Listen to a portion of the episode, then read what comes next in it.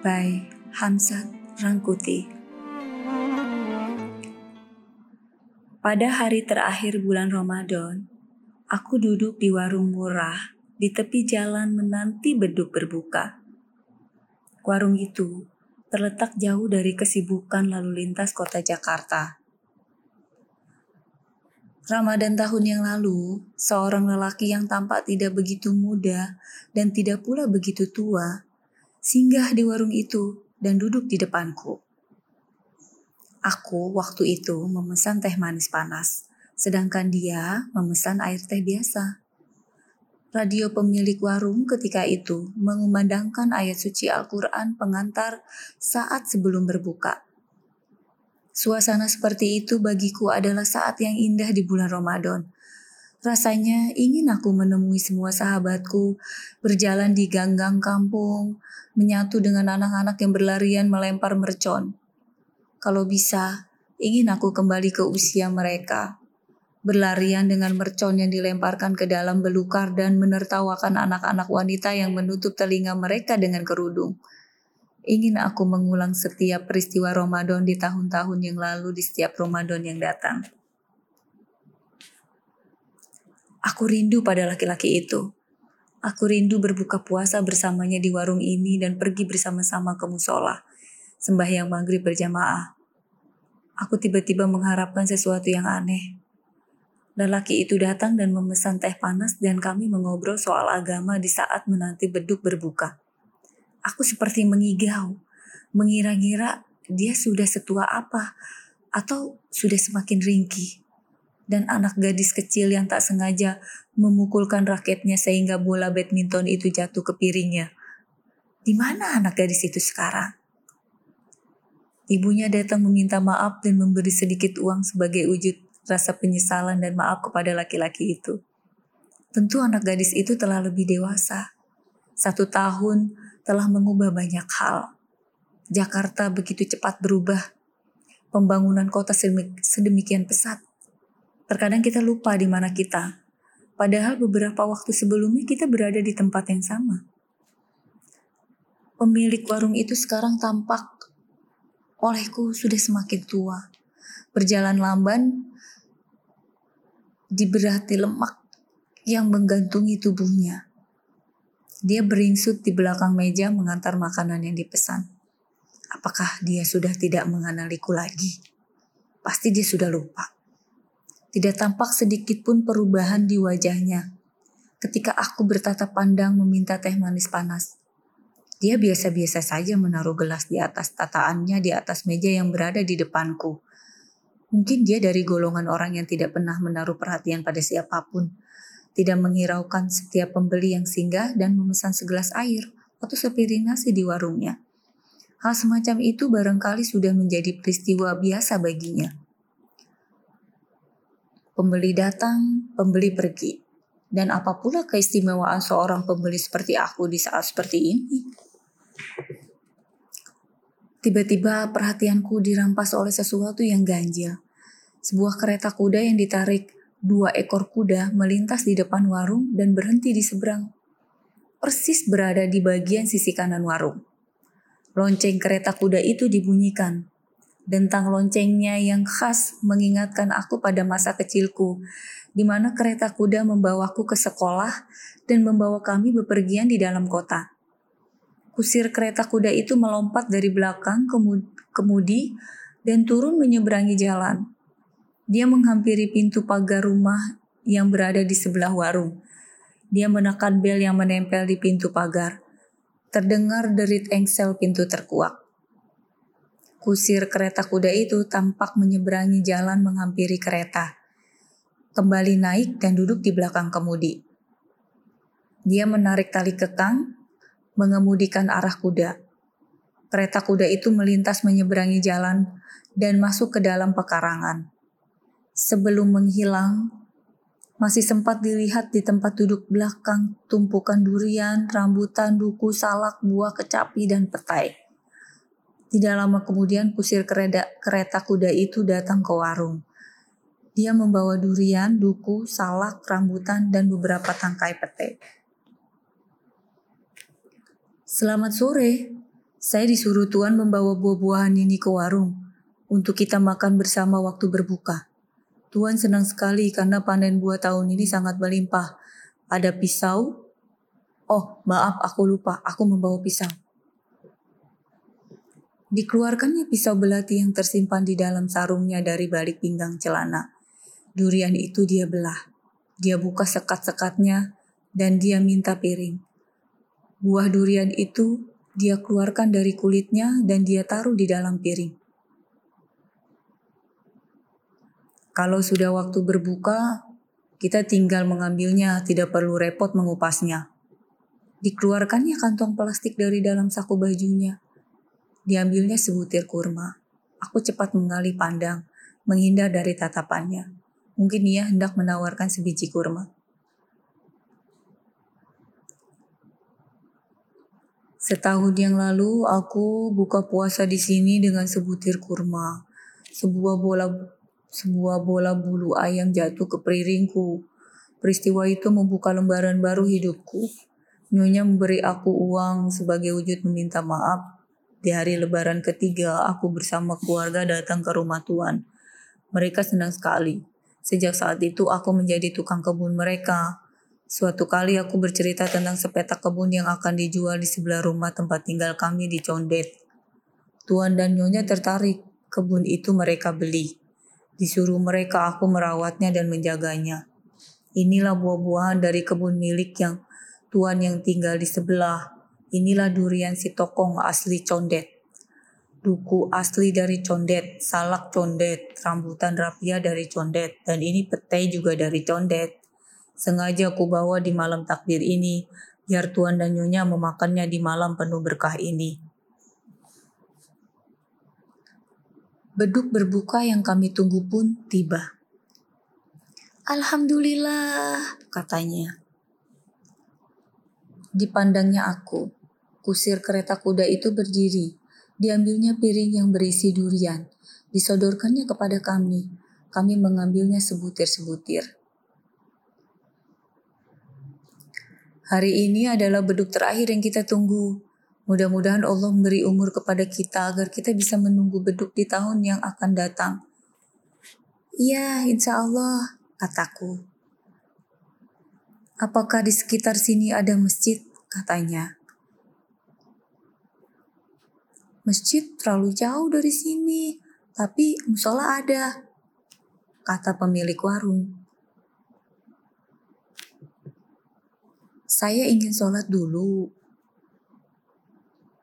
katanya seperti meminta diri atau barangkali dia ingin mengajakku. Silakan kalau ingin sholat, kataku.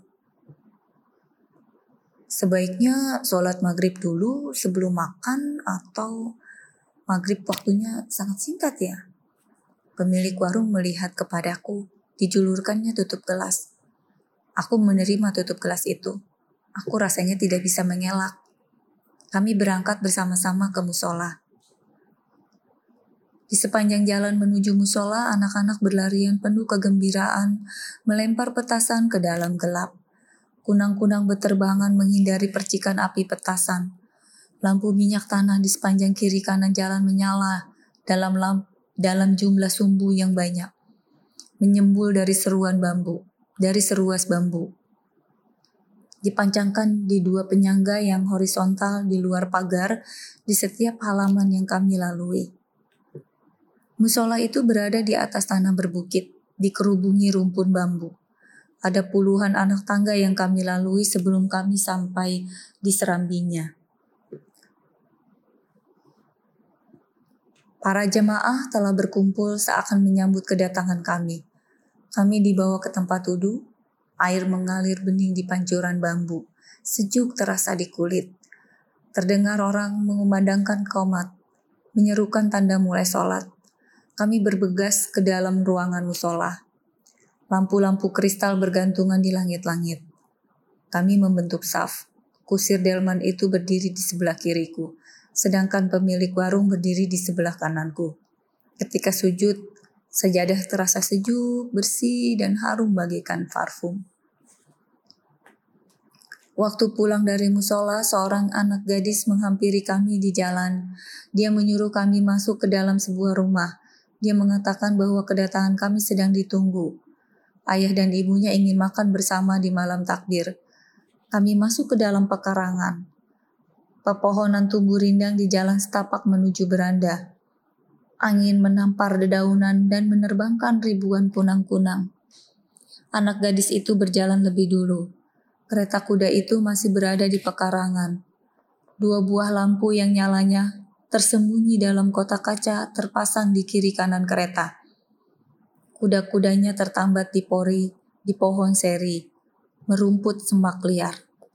Kami diajak masuk ke dalam ruang di mana telah terbentang permadani. Makanan terhidang di atas taplak putih yang menutupi bagian tengah permadani yang terhampar kami diajak duduk melingkar di sekeliling hidangan.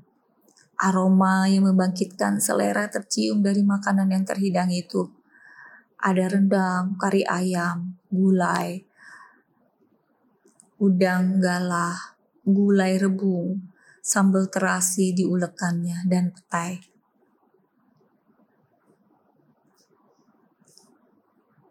Penganan ketupat, ketan, lemang yang telah dikeluarkan dari bambunya, kue serabi, lupis, kerak telur, dodol, dan berbagai buah penutup. Malam takbir tahun yang lalu anak gadis kami membuat kecerobohan, kata si tuan rumah.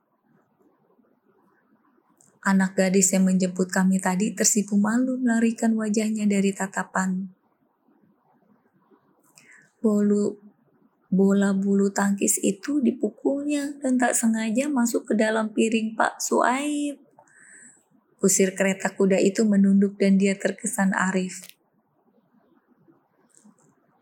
Tetapi peristiwa itu membawa berkah. Kami mengikat silaturahmi dan membeli sebidang kebun yang terletak dekat tempat tinggal Pak Suaib di Condet.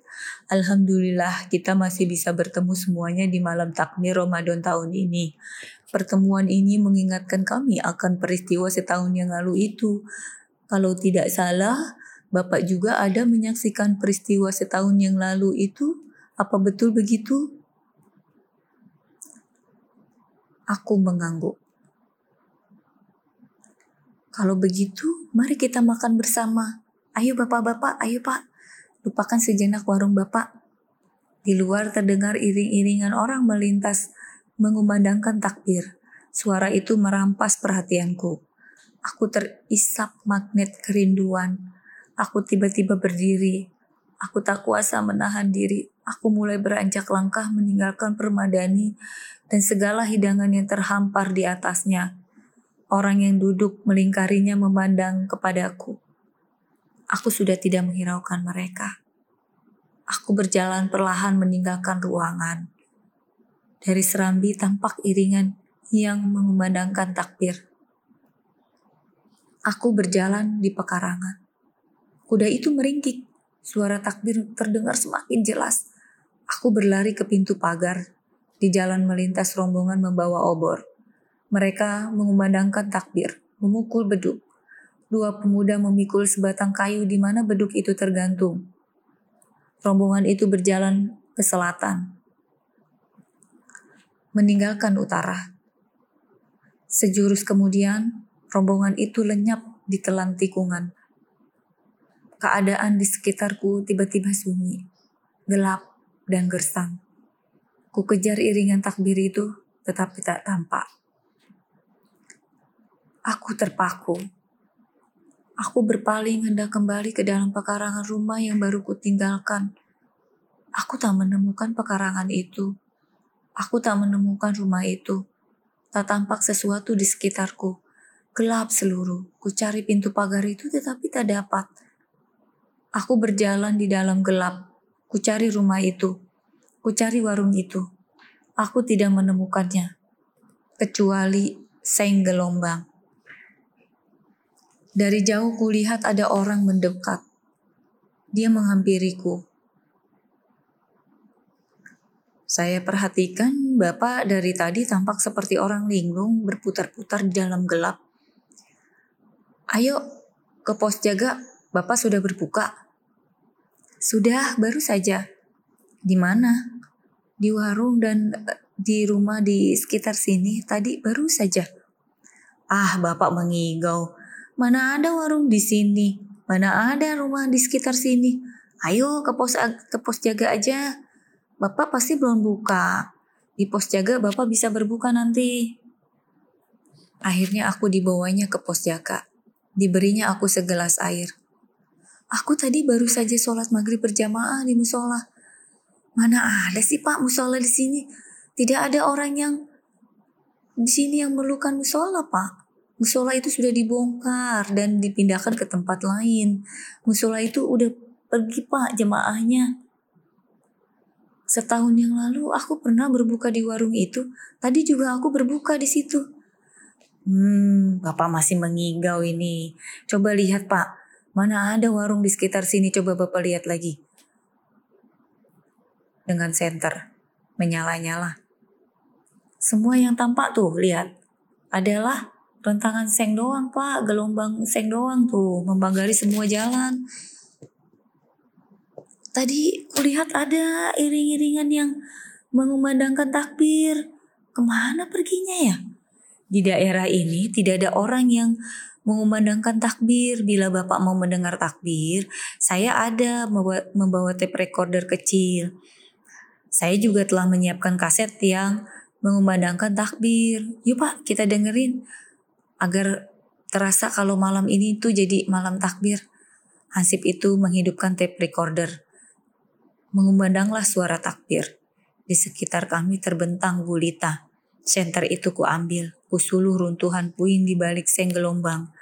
Ketika senter dimatikan tumpukan puing membukit bagai sosok yang menakutkan. Demikianlah cerita hari ini.